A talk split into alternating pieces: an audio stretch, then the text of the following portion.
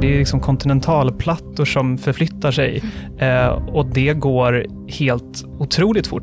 Plötsligt blir det möjligt. Plötsligt blir något helt nytt möjligt. Det här med flygförbudszon säger man ju till exempel är omöjligt nu, men hur många dagar till ska vi se ukrainska civila som dör i tusental och barnsjukhus som bombas och allting innan även sådana tankar kommer att bli seriösa alternativ? Den som sa det var Emanuel Örtengren och det här poddavsnittet handlar om, ja, allt som händer nu. Ukraina, svensk rustning och NATO-debatten. Så här på det ryska anfallskrigets tredje vecka så sammanträder säkerhetsrådet igen. Med idag är Diana Janse, senior fellow och ambassadör. Emanuel Örtengren, tillförordnad chef på Frivärd. Och jag som pratar heter Patrik Oksanen, redaktör för säkerhetsrådet och senior fellow. Och jag tänkte att vi börjar idag med kriget. Det är inne på sin tredje vecka. Vad gör vi för slutsatser så här långt? Ja, jag skulle vilja börja med hur, att dra slutsatsen hur illa det kan gå. Och hur de här säkerhetsriskerna vi har pratat om eh, under många år, hur reella de är. Och det gäller även för Sveriges del. Hur fort det har gått. Eh, om man tittar på det här. Det är trettonde dagen idag, tror jag. Eh, fjortonde dagen. Det har ju gått ohyggligt fort och vi lever ju redan i en annan verklighet än för mindre än tre veckor sedan. En annan mm, erfarenhet är ju verkligen att NATO, eller inte NATO, spelar en väldigt stor roll. Mm. Jag skulle kunna göra listan väldigt mycket längre, men jag nöjer mig så som mm. inledning. Jag kan väl bara... Ja, vi är faktiskt inne, inne på den femtonde dagen ska jag säga. Ja. Ehm, på väg mot den sextonde. Det är fredag den 11 mars när vi spelar in det här. Mm. Jag kan bara lägga till det, utöver det Diana har sagt, att det har gått extremt fort. Alltså på, på fyra dagar, ganska tidigt in i kriget, så blev ju Belarus en kärnvapenstat. Eh, Finland höll, höll, på, plötsligt så har opinionen i Finland svängt enormt från att det är 25 procent kanske eller så som är för NATO till att det är 50 procent som är för. Och i Sverige så har det ju ökat i, i nästan lika snabb takt också, NATO-opinionen. Eh, Tyskland har gått mot att bli en, en stor militärmakt i Europa igen. Det hade man aldrig kunnat tro. När jag var på ett seminarium häromdagen, Patrik, som, som du talade på, på Folk och Försvar, så ställde sig en person upp från tyska ambassaden och det här var precis efter att även vår statsminister Magdalena Andersson hade sagt att nu ska Sverige så snart det går upp på eh, 2% av BNP i försvarsutgifter. Och då sa han välkommen in i 2 klubben och så utbröt det någon slags spontan applåd, för det hade ingen kunnat tro för bara två veckor sedan. Um, och det, den här typen av monumentala vad ska man kalla det för, det är liksom kontinentalplattor som förflyttar sig. Mm. Eh, och det går helt otroligt fort just nu och vi vet inte, varken när vi spelar in det här eller om vi hade spelat in om några dagar, vad nästa sån här stora eh, förändring eh, och tidigare otänkbara tanke kommer att, eh, kommer att vara som, som plötsligt, plötsligt blir det möjligt. Plötsligt blir något helt nytt möjligt. Det här med flygförbudszon säger man ju till exempel är omöjligt nu, men hur många dagar till ska vi se ukrainska civila som dör i tusental och barnsjukhus som bombas och allting innan även sådana tankar kommer att, kommer att bli seriösa alternativ? Jag, jag vågar inte göra några gissningar i det här läget faktiskt, med tanke på hur fort det har gått de här två veckorna. Jag tycker också det är intressant att se hur fort sanktionstrappan har gått. Eh, mm. Efter ett första vacklande litet steg eh, dagen efter invasionen, eller kanske två dagar efter, jag minns inte exakt, det, återigen, det går så fort, eh, så har det ju, det har ju rullats ut nya sanktioner nästan dagligen. Mm. Och jag, vi är långt högre på sanktionstrappan än jag hade föreställt mig, om man tittar,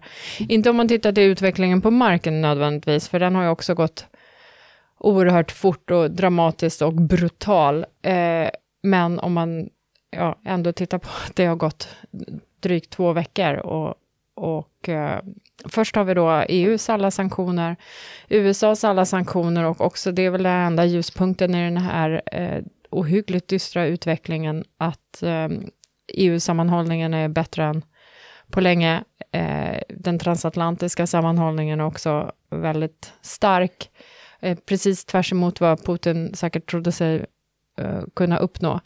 Mm. Men eh, utöver det kommer ju alla de här privata initiativen mm. eh, självpåtagna bojkotter och sanktioner, allt från Systembolaget och som plockar bort eh, rysk sprit och, Mm. och jag vet inte. Till stora oljebolag som slutar köpa från Ryssland Ja, till exempel. Ja, så. så, Mm. det, eh, det har ju också gått väldigt snabbt. Och idag så tillkännagav, eller möjligtvis igår, så tillkännagav ju Bahnhof ett jättespännande initiativ. Mm. Eh, Alltså internetdistributören. Eh, vet ni vad de ska börja med? Ja, kortvågs, eller de vill väl ha hjälp med att sända kortvågsradio med ryskspråkiga Ja, nyhetssändningar. Och det här De gör det som Sveriges Radio inte gör. De Ja. drar igång alltså ryska, ryskspråkiga nyhetssändningar Mm. med syfte att nå in i Ryssland. Och eh, de har viss kapacitet själva men de ber om hjälp då från, från alla radioamatörer att eh, hjälpa till att, att sprida det här in i Ryssland. Men det här, och här tycker jag är någonting som det officiella Sverige borde stödja. Vi borde bjuda hit de här journalisterna i Ryssland, väletablerade röster i etern, eh, med hög trovärdighet, eh, fantastiska kontaktnät och ett djupt kunnande att sända från Sverige. Dels behöver de en fristad eh, och eh, givet de drakoniska lagar som nu har klubbats igenom duman, eh, ryska underhuset, och ja, som gör att om de publicerar vad de vill publicera och eh, fakta om vad som händer så riskerar de upp till 15 år i fängelse. Vi borde bjuda hit det. Det officiella Sverige bjud, borde bjuda hit dem och att sända härifrån, att verka härifrån. Det ligger i vårt intresse och det ligger i Rysslands intresse. Eh, inte det officiella Rysslands, men det, vad ska man säga? Det riktiga Rysslands. Det rysliga, riktiga Rysslands i intresse att informationen når ut. Jag tror att det är helt avgörande, för som jag ser det, vi kommer aldrig få fred på den europeiska kontinenten så länge Putin sitter kvar. Det vi gör nu måste syfta till ett regimskifte i Ryssland. Det kan bara komma inifrån. Och, och, och, och det, han, det Putin gör nu sliter ju inte bara sönder Ukraina, det sliter ju sönder Ryssland till del också, eftersom folket delas upp i två läger, de som stöttar kriget och de som är emot det. Och det här kommer ju, ja, jag vet inte, vad jag vill komma till är att den, det måste ju ändå komma inifrån ett, ett maktskifte i Kreml och eh, utan, inform, alltså, utan vederhäftig information om vad som händer i Ukraina, bak, så, så kommer det dra ut på tiden. Mm. Denna monumentala mur av lögner som vi nu hör från ryska officiella företrädare, det är ju, jag vet inte, om det inte vore så ohyggligt tragiskt alltihopa, så skulle man ju bara skratta åt Lavrov när han påstår att Ryssland inte invaderar Ukraina och aldrig har några avsikter att invadera något land och aldrig har gjort det. Mm. Jag hörde eh, eh, den här NRA-lobbyisten, eh, Eh, den ryska agenten som hamnade i fängelse, eh, Maria Burtina, som numera är Duma-ledamot, intervjuas av BBC.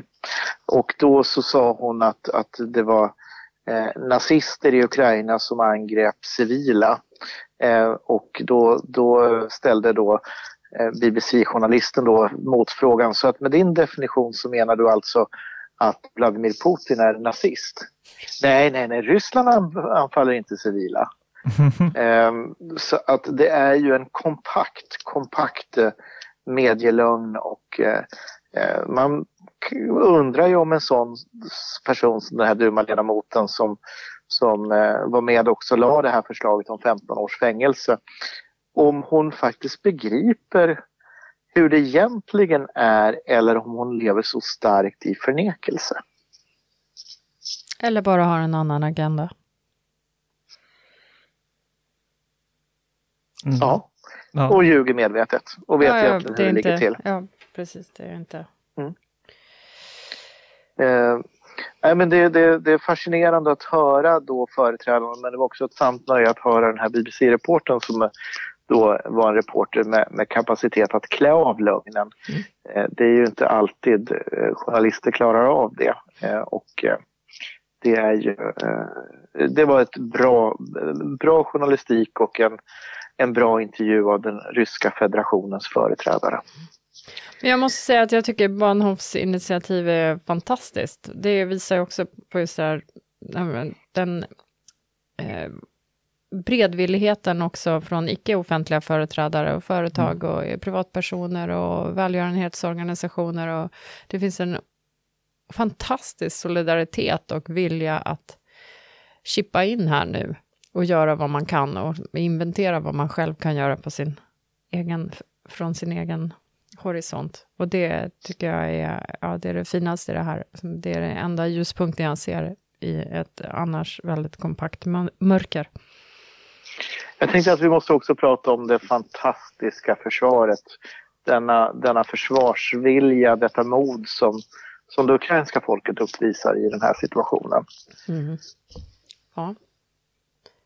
Ja, det, ja vad, ska man, vad ska man säga? Det är ju människor som åker tillbaka från Polen till Ukraina. Det är människor som Ukraina som har bott utomlands i många år, som tar sig dit för att strida och eh, vi har ju rekord eh, många som söker till hemvärnet här i Sverige också, men det går inte att jämföra med Ukraina som, det, ja, nej men det, det är verkligen det som är mest eh, fantastiskt i det här och eh, jag pratade med någon häromdagen och, och vi kom båda fram till att jag tycker att det, det, det, här fullskaliga kriget som Ryssland bedriver mot Ukraina, för mig så bevisar det att de här realisterna i internationella relationer, de som är så kallhamrade och säger att allting har att göra med intressen, de har ju faktiskt haft helt fel. Dels så finns det inga strategiska intressen för, för Putin egentligen i att bedriva ett fullskaligt invasionskrig mot Ukraina. Det, det, det är hans, han är driven av idéer, han är driven av någon slags föreställning av, av stor, om Storryssland. Och samtidigt så skulle det väl inte vara helt rationellt, om man nu vill använda det ordet, för ukrainare att försvara sitt land, men de, de står ju också upp för idéer och en annan uppsättning idéer och för, för rätten att faktiskt få bestämma själva och att eh, leva i ett land som, som värderar det, snarare än ett land som inte kan använda någon annan makt än våldets. Och eh, det är verkligen en eh, eh, nej men det är otroligt och sen så samtidigt så, som man kan beundra det så önskar jag ju såklart att vi, vi i, i väst, vare sig man är en del av NATO eller en, ett partnerland som vi är och precis som Ukraina faktiskt är, att det finns mer man skulle kunna göra eh, för att se till så att det blir Ukraina som till slut går, det är svårt att säga att någon kommer vinna på det här kriget, men man kan ju definitivt eh, göra det så pass svårt för Ryssland så att Putin inte kommer sitta kvar. Um, så det är väl det bästa vi kan hoppas på nu, men som du säger Patrik, så är det som är det mest inspirerande, det är ju den ukrainska motståndskraften som kanske symboliseras allra främst då såklart av, av eh, president Zelensky som som jag tror är en väldigt viktig symbol, just att han faktiskt är kvar i Kiev. Att han dag efter dag lägger upp bilder och att han håller tal eh, som är streamade via videolänk till brittiska parlamentet nu i veckan till exempel, eller i veckan innan dess var det Europaparlamentet och så. Det är, det är otroligt viktigt eh, och han är en väldigt skicklig kommunikatör och eh, Ukraina vinner ju faktiskt mycket tack vare honom informationskriget mot Ryssland, vilket man inte hade kunnat tro för två veckor sedan heller. Och vi kanske ser Zelensky väldigt mycket men, men det här som du beskriver är ju någonting som finns ner i varje stad, varje borgmästare mm. i Ukraina gör det här just nu. Ja. Eh, och kommunicerar med sin befolkning och eh, även kommunicerar direkt mot, mot, eh, till de ryska soldaterna och den ryska befolkningen. Eh, så att du ser ju en, en kompakt försvarsvilja och det är fantastiska filmer som har kommit också på, på hur modiga civila ställer sig framför stridsvagnar. Eh, den här eh, kvinnan som gick fram och gav en soldat solrosfrön så att det skulle växa någonting. Mm. Traktorer som stjäl stridsvagnar. Traktorer som stjäl stridsvagnar. Alltså det, det, det, det ja. Men, Fantastiskt. Vi kan konstatera att så här långt har Putin eh, fått motsatsen till det han ville. Han fick inget, eh, ingen snabb seger. Han har eh, fått, han har alienerat ukrainarna längre från Ryssland än någonsin tidigare. Han, eh, Ukraina är än mer beslutsam om sin strategiska välvag, vägval mot Europa.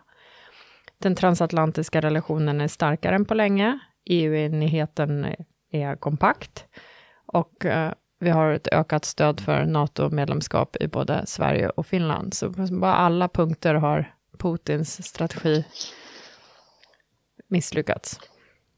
det som är intressant med Ukraina är också parallellen till Finland 1939 för att i det här ukrainska vinterkriget så ser vi samma vinterkrigsanda som fogade mm. samman en, en, en sargad finsk nation. Finland hade ju 20 år tidigare genomgått ett inbördeskrig. Det var ju naturligtvis sår som låg kvar från inbördeskriget men när Sovjetunionen anföll då 30 november 1939 så, så slöt sig det finländska samhället sig samman och där finns ju paralleller till, till Ukraina också. Där ser vi liksom en, eh, den ukrainska ambassadören som jag pratade med i måndags han, han, han beskrev det i termer att det vi ser nu är egentligen den ukrainska nationens eh, slutliga födelse. Mm.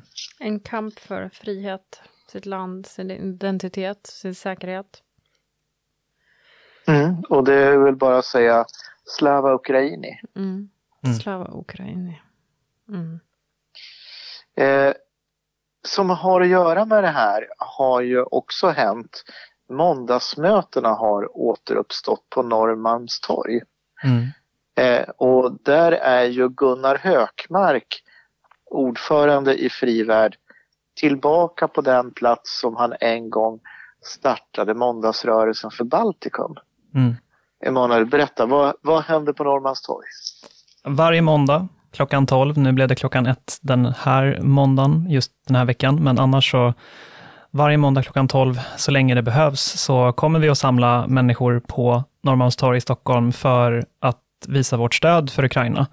Och eh, när, när Gunnar startade måndagsrörelsen första gången så var det ju till stöd för att de baltiska länderna, Estland, Lettland och Litauen, skulle bli självständiga från Sovjetunionen. Och då eh, samlades det alltid från några hundratal till, jag tror att rekordet var 7000 personer på Norrmalmstorg. Och det var, som alltid var det ju talare, eh, det var även poeter som läste dikter, ibland var det musikframträdanden och det tänkte vi att vi ska ta tillbaka den här gången också. Eh, och nu behövs ju måndagsrörelsen igen. Eh, jag satt och bläddrade i, i en bilderbok om måndagsrörelsen som kom för tio år sedan när måndagsrörelsen firade 20 år. Den höll ju på från 1990 till 91 med sammanlagt 79 möten på Norrmalmstorg. Eh, och då stod det i den där boken, vilket jag tyckte var lite sorgligt att läsa nu, att eh, måndagsrörelsen hade gjort sitt och det gjorde den väl och måtte den aldrig behövas igen. Men nu, nu gör den det. Och Tanken är ju att det ska vara en bred rörelse, det ska inte vara en partipolitisk rörelse, utan det, det, den är öppen för alla. Och på, nu på måndag till exempel så kommer vi ha med eh, liksom, ja, eh, ambassadörer, vi kommer ha med eh, eh socialdemokrater, centerpartister, moderater, folk från, från, eh, ja, från olika, olika delar av politiken och samhället i stort. Ehm, och det, det är målet för för alla möten. Och hittills har vi haft eh, ett, en rad ambassadörer som har talat. Eh, på första mötet så var det till exempel alla de baltiska ambassadörerna som tackade så mycket för stödet förra gången och, och uttryckte sitt stöd för Ukraina nu. Och i måndags hade vi till exempel Tysklands och Kanadas ambassadör och Eh, ja, en, en rad andra talare. Och eh, vi håller på ungefär en halvtimme så att eh, folk hinner ta en liten paus i lunchen så där mitt på dagen för att, för att vara där. Och det, båda gångerna har det varit knökfullt faktiskt på Norrmalmstorg och det hoppas jag att det, det kommer att fortsätta vara för att det, man, man, kan tycka att det inte gör så stor skillnad att bara stå på ett torg och, och, och visa solidaritet, men det gör faktiskt det. Det gjorde det då, det gjorde det 1990 till 91 och det blev ju också en plattform för många av de här dissidenterna från Baltikum. Ibland var de med själva i, i egen hög person, ibland så var de med via telefon eh, och kunde ju rapportera om vad som hände, så att Norrmalmstorg blev som en, en plattform för dem också. Eh, och eh, när ja, men jag har lyssnat på en del reportage på radio framförallt, så, så är det många ukrainare som säger att de blir ju väldigt rörda av att se de här stora folksamlingarna i europeiska städer som Stockholm och Paris eller Prag, att, att veta att, att världen ser och att världen bryr sig. Så det spelar roll och eh, ju fler vi, vi blir där på Norrmalmstorg, desto bättre. Det är bara att komma, varje måndag klockan 12. Ja, får, och, ja, får jag bara haka in där? Eh, jag sa tidigare att den enda uppsidan jag såg i det här, den enda sol strålen i detta kompakta mörkret mörker var eh, enigheten i den här sanktionerna, uppfinningsrikedomen och så vidare. Men det här har vi faktiskt en solstråle till och det är den solidaritet som har visats och fortsätter att, att visas, inte bara i, i, form av manifestationer världen över, utan också med det här eh, öppna armarna eh, och eh, den stora villigheten att hjälpa till med flyktingarna, för det har vi inte nämnt. Två miljoner flyktingar under loppet av två veckor. Det har vi inte sett sedan andra världskriget. Jag vet inte ens om vi såg det då, men jag mm. tror inte vi har någon statistik innan dess. Men det är, det är i alla fall av historiska mått och det är som otroligt tragiskt. Men mitt i allt det här så finns det ju ändå en fantastisk eh, medkänsla. Mm. Eh, om det är som så att jag som lyssnar nu inte finns i Stockholm, mm. men jag vill dra igång en måndagsrörelse på min ort. Mm. Hur gör jag då? Ja, nej, men man får jättegärna höra av sig till, eh, till mig på min eh, mejladress emanuel.frivarld.se. Eh, kontaktuppgifter finns också på, på Frivärds hemsida, frivarld.se, eh, så kan man få lite, lite tips och råd om hur man gör. Men måndagsrörelsen är ju en, en, som jag sa, en öppen rörelse och även på på 90-talet så var det ju möten eh, i ett 50-tal städer totalt och regelbundet i ett 30-tal städer. Så vill man ha egna måndagsmöten så, så finns det inget som, som hindrar en och det är ju bara kul om måndagsrörelsen även den här gången sprider sig till, till hela Sverige. Mm. Så du som lyssnar och som känner att du vill göra det här, eh, gör det bara. Ja. Eh, men jag tänker att vi ska byta ämne nu. Mm. Eh, och vi går till Sverige och vi går till försvaret. Eh, kommer ni ihåg att vi satt faktiskt här i säkerhetsrådet för inte så länge sedan och, och, och, och liksom sågade vad, vad, vad partierna var någonstans inför den återinkallade försvarsberedningen. Eh, vi hade ju regeringen som pratade om inom ram fördela pengar för att få ut mer effekt här och nu. Moderaterna la sig på 3 miljarder i år.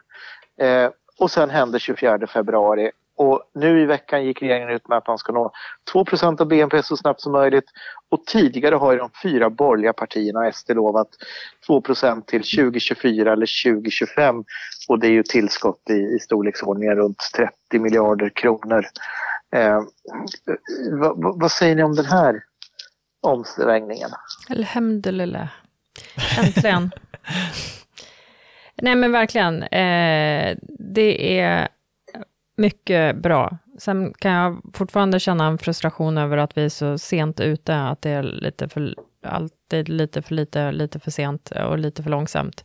Mm. Eh, och även nu när regeringen gick ut med det här, så vi har ju inga, inte, vad ska man säga, den trappan upp till 2% är ju inte på något vis eh, tidslagd eller schemalagd. Det, det är ju fortfarande alldeles för vagt i konturerna för, för min smak. Men det är ett ohyggligt välkommet steg i rätt riktning. Mm. Mm. Ja, nu, pratar är... vi inte, nu, nu, pratar vi inte om, utan mer hur och när. Mm, precis, och det är de två frågorna som väl lite är... Jag såg det som eh, förslaget som kom eh, igår, då, eh, sett från när vi spelar in idag den 11 mars. Eh, det som kom igår från Magdalena Andersson, det, det såg jag... Ja, det, det är väl klart att det var eh, ett eh, ett viktigt ögonblick på många sätt. Mm. Eh, att vi, vi säger att nu ska vi nå 2% men jag saknar ju fortfarande några saker. Jag saknar såklart eh, svaret på frågan om när. Eh, jag saknar svar på frågan om eh, ja, men hur ska vi finansiera det. Eh, och sen så saknar jag också eh, en, en liten detalj och det är att Ja, 2 procent, det är ju målet som man har inom NATO. Det är ju intressant och, och värt att notera att vi anpassar oss till det, eh, utöver allt annat som vi redan har anpassat eh, i förhållande till, till NATO, som vi samarbetar väldigt nära med och övar med och så vidare. Men eh, räcker det med 2 procent om man står utanför alliansen? Räcker det om vi lägger oss på en nivå som, som länder som är garanterade ett eh, säkerhetsskydd ytterst av kärnvapen. Räcker det om vi, vi lägger så mycket då? Jag menar under kalla kriget, när vi, då upprätthöll vi ju vår alliansfrihet med att spendera ännu mer på försvaret, upp till 3-4 procent av BNP under, under en stor del av kalla kriget. Så att eh, och jag, jag menar inte alltid att mer nödvändigtvis bättre, även om det är uppenbart att vi behöver mer pengar till försvaret i det här läget. Men jag tycker att det räcker inte så länge vi står utanför NATO. Hade det varit 2% och nu svänger vi NATO-frågan, då hade jag tänkt att nej, men nu, nu kommer det hända, hända grejer. Men, eh, och det är, ju, det är ju inte, som jag förstår det, heller inte fråga om något, något engångstillskott på motsvarande sätt som man såg i Tyskland. För Tyskland så lovade man ju dels 2% av BNP till försvaret ganska fort och sen så sa man också att dessutom skapar vi en, en specialfond på 100 miljarder euro, alltså 1000 miljarder kronor motsvarande en svensk statsbudget. Och så, eh, så kan vi spendera det i princip här och nu. Eh, det hade vi inte heller i det här förslaget som kom igår, så vitt, så vitt jag vet. Så att det finns fortfarande en del frågetecken som måste rätas ut innan det här kan landa i någonting bra. Och jag får bara haka på där, för jag tror Emanuel pekar på någonting väldigt viktigt. Det, det, det här måste ske i två delar.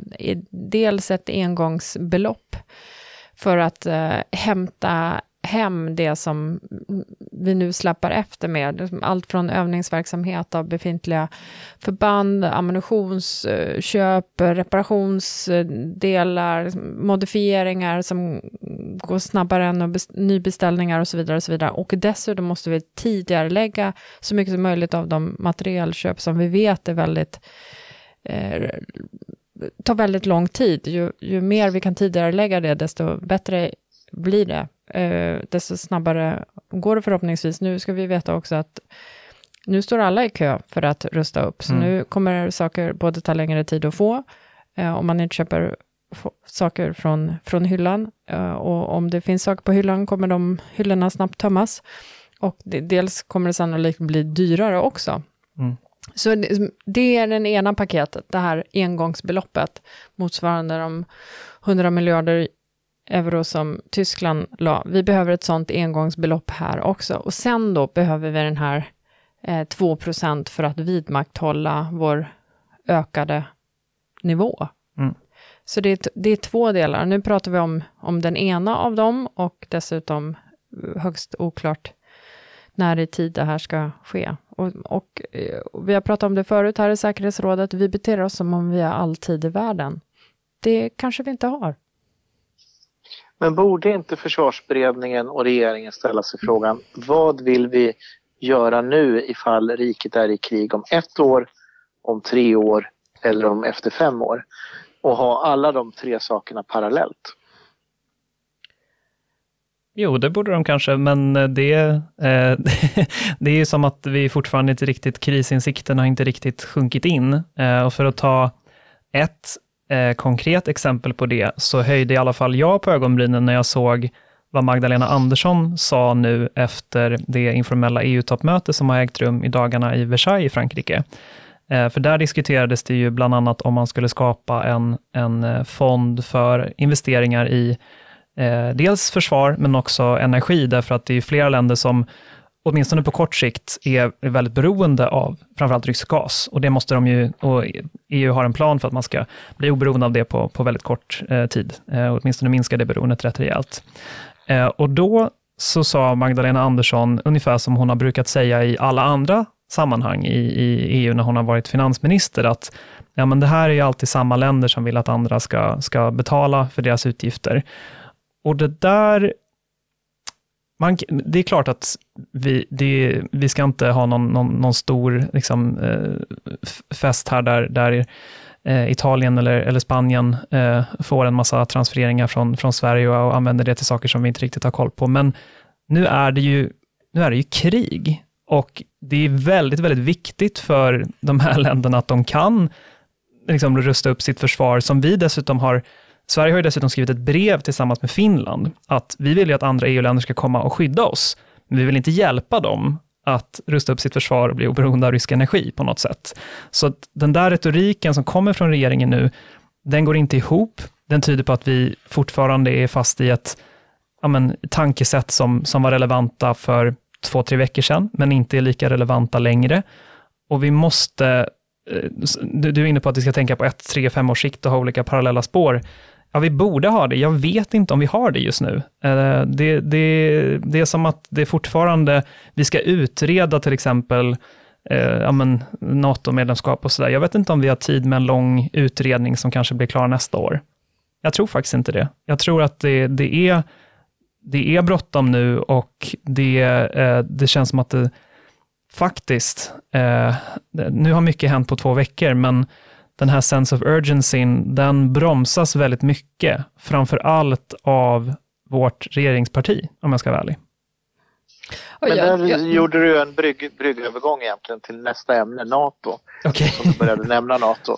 Så, ja. så då går vi över på det sista ämnet. Okay. Eh, eh, och eh, där sa ju Magdalena Andersson i veckan om Sverige skulle välja att skicka in en NATO-ansökan i det här läget skulle vi ytterligare destabilisera läget i Europa. Och det kan vi alla vara överens om att det där var en otroligt olycklig formulering på många sätt. Och jag skulle säga så här, jag skulle bli väldigt förvånad om statsministern använder ordet destabilisera i det här sammanhanget igen. Men, men vad står vi i, i NATO-frågan och, och hur olyckligt var det här i veckan? Ja, eh, ja, jag får hög puls bara hör dig, Patrik.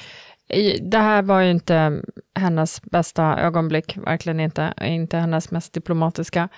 Eh, det, det var olyckligt av flera skäl. Dels för att hon någonstans...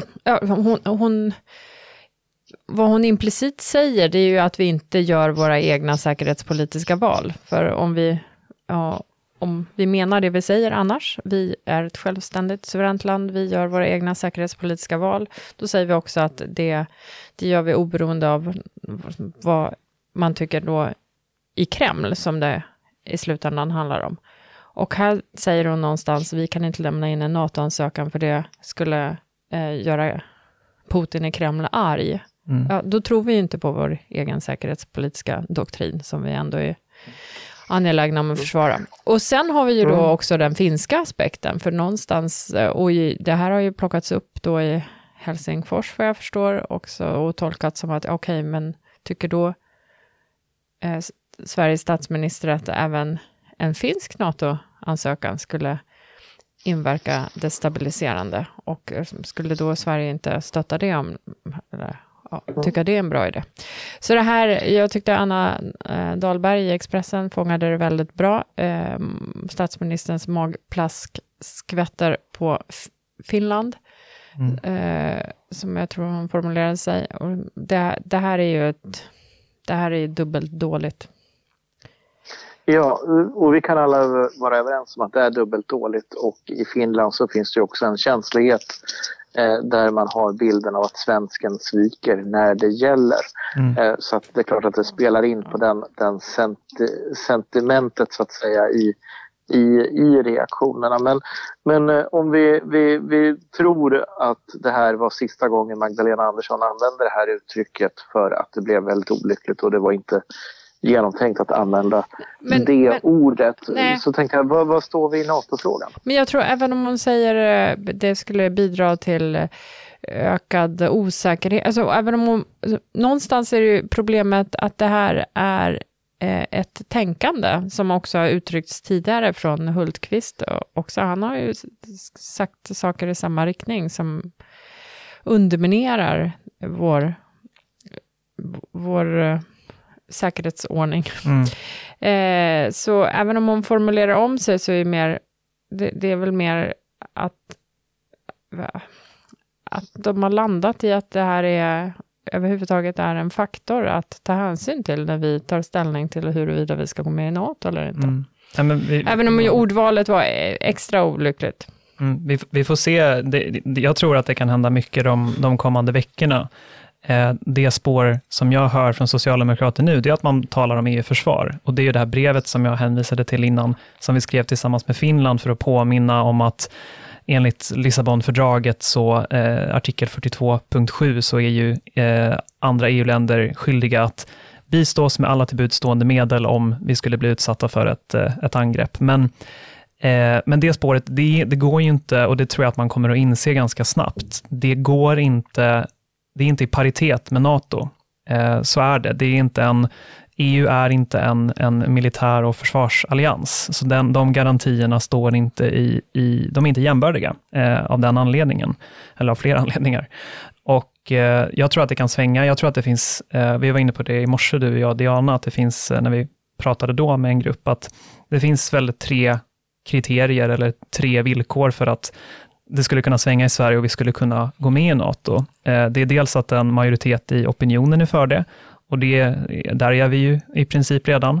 Det andra är att det blir en majoritet i riksdagen för det, och där blir det ju bara en tidsfråga som jag ser det, om det blir Sverigedemokraterna eller Socialdemokraterna som ändrar sig först och blir tungan på den vågen. SD och sen, var ute idag. Ja, precis. Ja, men då har vi ju redan det då. Och sen sist men, men inte minst så beror det på Finland och som bland annat Finlands tidigare utrikes och, och statsminister Alexander Stubb har uttryckt saken, så, så har Finlands tåg redan lämnat stationen. Och då är frågan, vill vi stå kvar på perrongen ensamma? Vill vi vara det enda landet i hela Östersjöregionen som står utanför NATO och inte har de försvarsgarantierna? Jag tror inte det. Och därför tror jag att även S kommer att svänga, eh, särskilt om det händer ännu mer i, i Finland. Och SD har väl inte svängt ännu utan det var väl ännu en signal om att SD kan tänka sig att svänga. Eh, mm. Även om svängen inte gjorde ännu så var det väl en, en, en sån signal bara för att tydliggöra var, mm. var vi är någonstans där.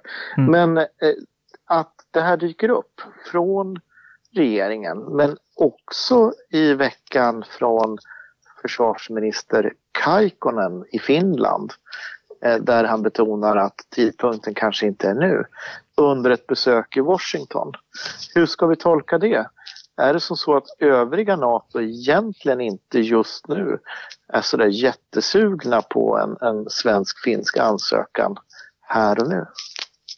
Ja, det har jag svårt att tänka mig. Jag, så har inte jag tolkat det. Men... Jag, jag, tror inte heller det. Alltså Sverige, svenskt och finskt territorium, och kanske framförallt svenskt faktiskt, eh, är, är väldigt viktigt i försvaret av Baltikum. Som, och de baltiska länderna är ju redan NATO-medlemmar, så att jag tror inte att det skulle ses som, eh, eh, ja, som någonting negativt så, men ja, jag vet inte hur man ska tolka det där. Det, det kan vara så att det, det är ett eh, försök att parera lite och, och visa att Sverige och Finland ändå går i, går i någorlunda takt och eh, att inte heller ja, det, det, både Centerpartiet då som, som den finska försvarsministern företräder och, eh, och Socialdemokraterna i Finland, som ju statsministern eh, kommer ifrån, har ju varit traditionellt NATO-skeptiska partier och medan den diskussionen ändå pågår, som man ju har sagt ska vara snabb men grundlig, så kanske man vill vara lite, eh, lite försiktiga. Sanna Marin tycker jag har spelat det här mycket smartare än vad Magdalena Andersson har gjort till exempel. Hon har inte bundit fast sig vid någon mast och sagt väldigt tydligt att så här tycker jag och, och, och vägrat att rucka på de principerna, utan hon agerar lite mer ja, men Merkelskt, att hon lyssnar in, känner av, ser, ser, ser vart, vart det är på väg. Och sen tror jag att när, när man har haft interna diskussioner i finska Socialdemokraterna, då kommer hon gå ut tydligt med vad hon tycker, när hon vet att hon ja, att hon, det finns en linje som partiet kan stå bakom. Och det är väldigt olyckligt att, att Magdalena Andersson inte har agerat på motsvarande sätt i Sverige, för jag tror att den här omsvängningen som, som hon och hennes parti och Sverige kommer att, att, att tvingas till förr eller senare, den, den försvåras av att man eh, har varit ute, både stats och försvarsministern, med så väldigt, väldigt tvärsäkra och kategoriska uttalanden om NATO. Men är inte det här lite typiskt svensk eh, och finsk kultur? Finland är lite mer städat, eh, strukturerat eh, och, och ordnat så att säga. Den svenska politiska kulturen, där, där bråkar vi med varandra men, men sen kan man vända på en 25-öring över en natt och göra tvärtom och så låtsas som att det regnar och man har aldrig sagt något annat än den vändning man just gjorde. Ja. ja, vi har gjort det förr. Ja, vi har gjort det har gjort det, om EU, vi har gjort det om migrationsfrågan, ja. så, så att ja, det kan hända igen. Det kan hända igen. Nej, jag, mm. ja. Nej, jag har väl kanske också liknande funderingar som Emanuel, att det här också någonstans, det går ju väldigt fort, återigen. Och eh, att det finns någon slags eh, reflex att försöka dra lite i handbromsen i alla fall, eller skapa skapa utrymme för eh, ett annat beslut än eh, ett ja till en NATO-ansökan. Det, det ligger säkert... Eh, det finns nog många som tycker det är helt rimligt. Och till sist, vi ska ju göra helg. Eh, vi spelar in det här fredag eftermiddag. Och jag vet att den här helgen, Emanuel, den blir ganska ovanlig för dig. Mm. Vill du dela med dig? Ja, um, det har um, skett väldigt plötsligt, men um, min fästmö är aktiv i uh, kommunpolitiken i Västergötland och uh, en kommun där, uh, Grästorp, de har bestämt sig för att de ska ta emot cirka 100 ukrainska flyktingar som just nu befinner sig i Polen. Och hela, det är verkligen fantastiskt att se att Igår hade Grästorps kommunfullmäktige ett extrainsatt sammanträde för att fatta en del beslut som man var tvungen att göra för att förbereda för det här.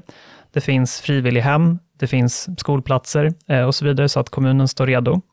Och nu i morgon så kommer det att eh, åka en, en buss som jag, min fästmö och ett par andra personer kommer sitta med på.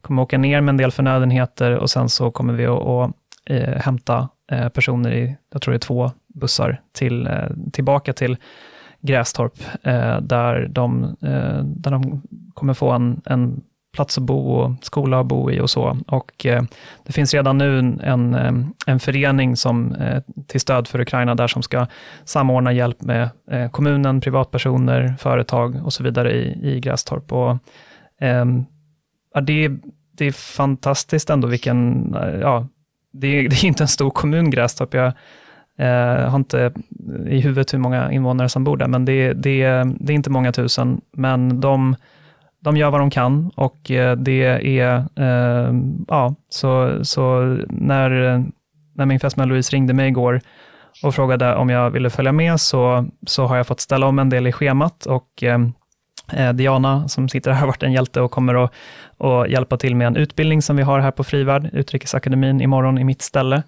Eh, men eh, det ska bli, ja, det känns, det känns ändå bra att åka med och så kommer jag såklart att återkomma i podden och i, på säkerhetsrådet, Frivärlds debattforum, som du är redaktör för Patrik, och, och, och, skriva lite mer om vad, vad jag ser och upplever där och hur, hur läget är i Polen. Mm. Och för alla er som undrar om Grästorp så kan jag berätta att kommunen har 5730 invånare i fjol och tätorten ligger på runt 3000 invånare. Ja, inte så det mycket. Som Emanuel, som Emanuel säger, det är en, det är en liten församling, en liten, liten kommun som nu tar emot eh, runt 100 ukrainska flyktingar. Det är fantastiskt. Mm. Mm.